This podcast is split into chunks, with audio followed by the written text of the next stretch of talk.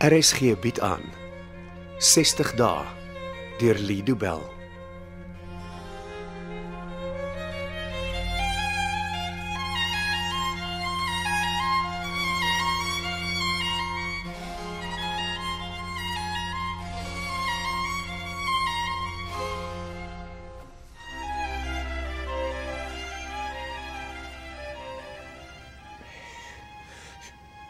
Mina, kom staan die stoel hier. Wat sleep jy so in die donker rond? Stak hulle lig aan. Ek wou jou nie wakker maak nie. Nee, maak 'n goeie job daarvan. Ek is, sê maar ek is so hard by die huis. Ek seker is jou skuld nie. Bestaan die firma nog? Die prokureursfirma van Celee Celee en van Noord te bestaan nog vir nou. Ek twyfel dit sal in die toekoms daar wees. As dinge so erg. Veel erger is wat ons gedink het. Wat het toe met Isel gebeur? Sy het verdwyn. Ek weet, jy het so gesê toe jy my na jaar ontmoet het vanoggend gebel het. Sal hulle haar ooit weer vind? Dennis dink nie so nie. Dink jy sy is nog in die land? Ek sal nie weet nie, maar wat ek wel weet is dat waar sy ook al is, presies is waar sy beplan het om te wees. Miskien nie. Wat laat jou so dink? Ek het die hele storie vandag oor en oor in my kop laat afspeel. Jy weet, jy kan nog niks oor die van wat gebeur het skryf nie, né? Ek weet. Ek was net besig om te sien of daar miskien 'n boek uit die hele storie kan ontstaan. 'n Reële reeks boeke glo ek. K- Kyk, Isel moes vinnig gespeel het om die geld te kry. En dit het vroeër gebeur as wat sy sou gedink het. Hoe weet jy dit? Karl het skielik baie siek geword. Sieker as wat sy gedink het hy sou. Hy weier om na die dokter se raad te luister. Dis sy eie skuld dat hy nou nog in die hospitaal lê.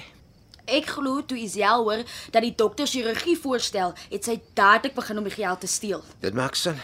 Kaals op 'n kort beheer oor die trustfondse verloor. Al oorleef hy die operasie. Dit daar geforseer om dadelik op te tree. By diefstal het vlot verloop, maar wie weet of sy hulle ontsnap roete in plek gehad het. Sy het vir my gesê dat sy 10 jaar al aan die ding beplan het. Skort man 'n bietjie daai kant toe. Maak vir my ook spasie. Is jy nou gemaklik? Ja, maklik genoeg om te wonder waar hy self van aan slaap. Maar As ek moet raai, sou ek sê sy vlieg iewers hoog bo oseaan, vas aan die slaap in haar snoesige eerste klas sitplek. Sy lewe ander mense se geld uit. Ek kon haar nie oortuig om dit terug te gee nie. Hoekom sou sy? Dis nie haar geld nie. En die kantoor waar sy gewerk het, lyk vandag soos 'n slagveld. Ai, Wat sê die mense daar? Dat hulle nie weet wat hulle môre sal doen nie. Almal wonder oor hulle toekoms. Ek kan nie een keer vandag onthou dat ek iemand op kantoor sien glimlag het nie. Dink Dennis regtig gesels sal hiermee wegkom, dat die polisie haar nooit sal opspoor nie. Ja, en die ouditeure is oortuig dat die geld nou onerwinbaar is. Weet hulle al hoeveel sy gesteel het? Hulle is nog besig om dit te probeer uitwerk. Een van die ouens het vir my gesê hy glo dis die grootste saak van bedrog nog ooit in hierdie land. O, oh, Isel het sterk kompetisie as dit by bedrog kom. Ek kan nie glo sy het gewen nie. Dis maklik om die hele ding as 'n bietjie van 'n grap af te skryf. Dis nie wat ek doen nie. Dit bly nog 'n geweldige verlies vir die firma en daar's nie 'n kat se kans dat dinge ooit weer na normaal sal terugkeer nie. Dis jou foon wat lei. Ek kan maar lê. Ek gaan dit nie antwoord nie. Ek is klaar gewerk vir Jy vandag. sal moet antwoord, dit kan belangrik wees. Nee, Wat nou? dis Karl wat bel. Dan moet jy antwoord. Hallo Karl. Alles oké? Okay? Nee. Nee, Wat's fout? Ek het jou hier nodig. By die hospitaal. Maar waar anders sou ek kan wees, Richard? Jy moet dadelik hiernatoe kom asseblief. Karl, dis na middernag. As jy in 'n situasie soos myne is, waar die tyd van die dag geheel en al onbelangrik. Waaroor het jy my nodig? Ek sal verduidelik as jy eers hier is. Karl, Bring iets waarmee jy my stem kan opneem saam asseblief. hy het die oproep beëindig. Wat soek hy? Ek moet hospitaal toe kom. Hy kan mos nie hierdie tyd van die nag besigheid wil doen nie.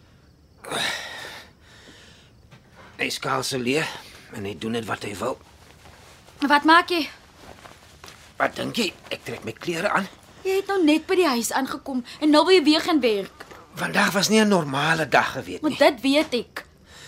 In elk geval, Daar was iets wat Karl gesê het wat my laat glo ek moet die was nie wegbly nie. Wat het hy gesê? Hy vra dat ek iets wat sy stem kan opneem saam moet bring. Vir wat? Dat weet ek nie. Jy gaan na middernag hospitaal toe en jy weet nie hoekom nie. Al wat ek weet is dat as Karl 'n opname daarvan wil maak, dit belangrik sal wees. OK.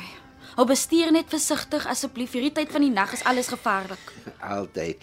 Dennis klaar reeds ek bestuur soos 'n ou tannie.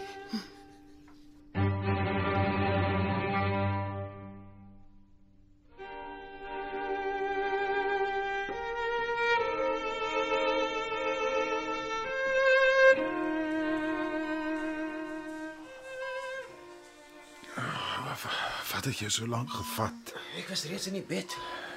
Ek moes weer opstaan en my klere aantrek.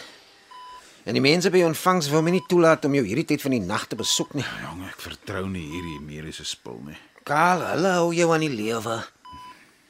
Om nie verlang nie. Karl, Moenie so geskok lyk nie wat bedoel jy? dat ek 'n besluit geneem het. Oor wat? Ek het besluite oor baie dinge geneem. Vandag se gebeure het my laat besef dat ek nie meer 'n toekoms het nie. Meeste van die mense by die werker het ook besef. Sal jy my glo as ek sê ek is jammer dat dit met hulle gebeur het? Ja. jy jy sal ver kom as 'n prokureur, Richard. Ah, As ek wel advies mag gee, sal dit wees om net 'n bietjie meer oortuigend te klink as jy alleen vertel. Ek bedoel wat ek sê, Karl. En in elk geval is dit Isel se skuld dat almal nou na nuwe werk moet soek. Ek het net so groot skuld daaraan as sy. Jy het die trustfondse beroof. So 'n bietjie, ja. As jy praat oor geld wat jy gevat het om met 'n dobbel, is dit niks teenoor die bedrag wat Isel mee weggekom het nie. Dink jy hulle sal afvang? Nee. hè? Regtig? Ja, sy het dit reg gekry om almal van ons vir jaar om die bos te lê. Hoekom sou sy nie 'n goeie plan hê om te ontsnap nie? Ek stem, ja. Hy- Is alles nie dom nie. Maar jy het geglo dat sy was. Nee, nie nie dom nie, maar beïnvloedbaar. Ek het geglo sy was aan my kant gewees, 'n goeie PA En al die tyd het sy 'n dubbellewe gelei. met 'n verskillende masker op vir almal wat sy ontmoet. Dit kon nie vir haar maklik gewees het nie. Ek wens ek het geweet hoe kom sy besluit het om dit te doen. Sy moes verstaan het dat ons firma se vernietig word. Sy het vir my probeer verduidelik wat haar motivering was, maar ek weet nie of ek haar glo nie. Maar wat het sy gesê? Is nie belangrik nie. Dit is vir my belangrik, Richard. Ek wil jou nie nou sê nie. Ons sal weer praat as jy gesond is. As jy die krag het om oor moeilike dinge te praat. Jy sal dan vir die res van jou lewe moet wag om daardie gesprek te hê. Karl, Richard, ek eh, ek het besluit om nie toe te laat dat die dokters aan my sny nie. sonder die operasie sal jy dit nooit maak nie. Dit besef ek al te goed, Hoekom het jy so 'n besluit geneem? want ek kan. Hoekom sou jy so iets wou doen? Weet jy wat die probleem is met 'n dobbelaar? Wat? Hulle weet nie wanneer om op te hou nie. Dis seker maar met alle verslawings so. Susan het vir my gesê dat 'n verslaafde nie kan ophou tot die dag wat hulle self besluit om op te hou nie. Kyk hoe gaan dit nou met haar? Maar Ah, ek het besluit om haar om haar advies te volg. Jy sal nooit weer dobbel nie. Ek sal nooit weer enige iets doen nie. Wat bedoel jy? Ek raak by die uur swakker en swakker. Ek kan dit voel gebeur en ek het ek het besluit om dit as my lot te aanvaar. Dink jy dis 'n goeie ding om so 'n groot besluit te neem as jy vir jouself jammer voel? Hier gelede het ek geglo daar is nog hoop, maar soos die tyd verbygaan, besef ek dat my lewe werklik verby is.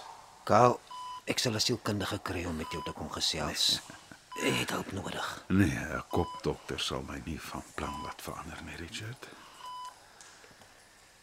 Hoekom is ek hier? Jy het aangedrang dat ek moet kom. Ons is nie familie nie. So ek verstaan nie wat ek hier doen nie. Dis jy's die punt. Daar is niemand oor in my lewe nie net. nee. Net 'n werkskollega. Dis nogal snaaks as jy daaraan dink. Ek vind dit glad nie snaaks nie. My lewe staan einde se kant toe. En die persone wat vir my lief was, weier om enige iets met my te doen te hê. Ek is seker ek kan vrede maak. My dogter en my vrou het dit baie duidelik gestel dat hulle nooit weer enige iets met my te doen wil hê nie. Kaal, mense sê soms dinge wat hulle nie eintlik bedoel nie, veralnik as hulle kwaad is. Vanaand is daar een ding wat jy moet verstaan, Richard. Jy is hier as prokureur. Nie as 'n sielkundige of 'n familielid nie. Ek dink ek moet loop. Nee, nee, bly. Ek ek het jou nodig. Vir wat? Bekentenis. Ek het niks om aan jou te beken nie. Nie jou bekentenis nie, myne. Wat is dit wat jy wil erken dat jy gedoen het? Jy is saamgebring om 'n opname mee te maak. My foon, ek gebruik dit gereeld vir opnames. Skakel hom dan aan en ons kan begin. Waaroor wil jy wil jy praat, Kaal? Aanvanklik het ek gedink om eers my testament te maak en dan die bekentenis daaraan te heg. Dit maak sin. Maar toe besef ek dat hierdie ou dobbelaar niks oor het vir iemand om te erf nie. Alles is weg. Almal is weg. Dis net ek al my sondes wat oorbly. Is jy 100% seker jy wil dit doen? Ja. Ja, begin met die opname. Nou goed dan. Neem my op. Ja, Goed.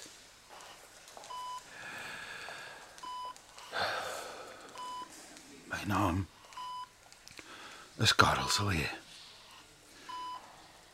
En hierdie is my finale woord, my bekentenis. Ek vra nie vir kwytskulding of vergifnis nie. Ek sal verantwoordelikheid aanvaar vir dit wat ek gedoen het vir die persone wat vir my belangrik is, vir die wat ek op my manier liefhet, vra ek wel vergifnis. Ek is jammer. En ek hoop dat julle my sal kan vergewe.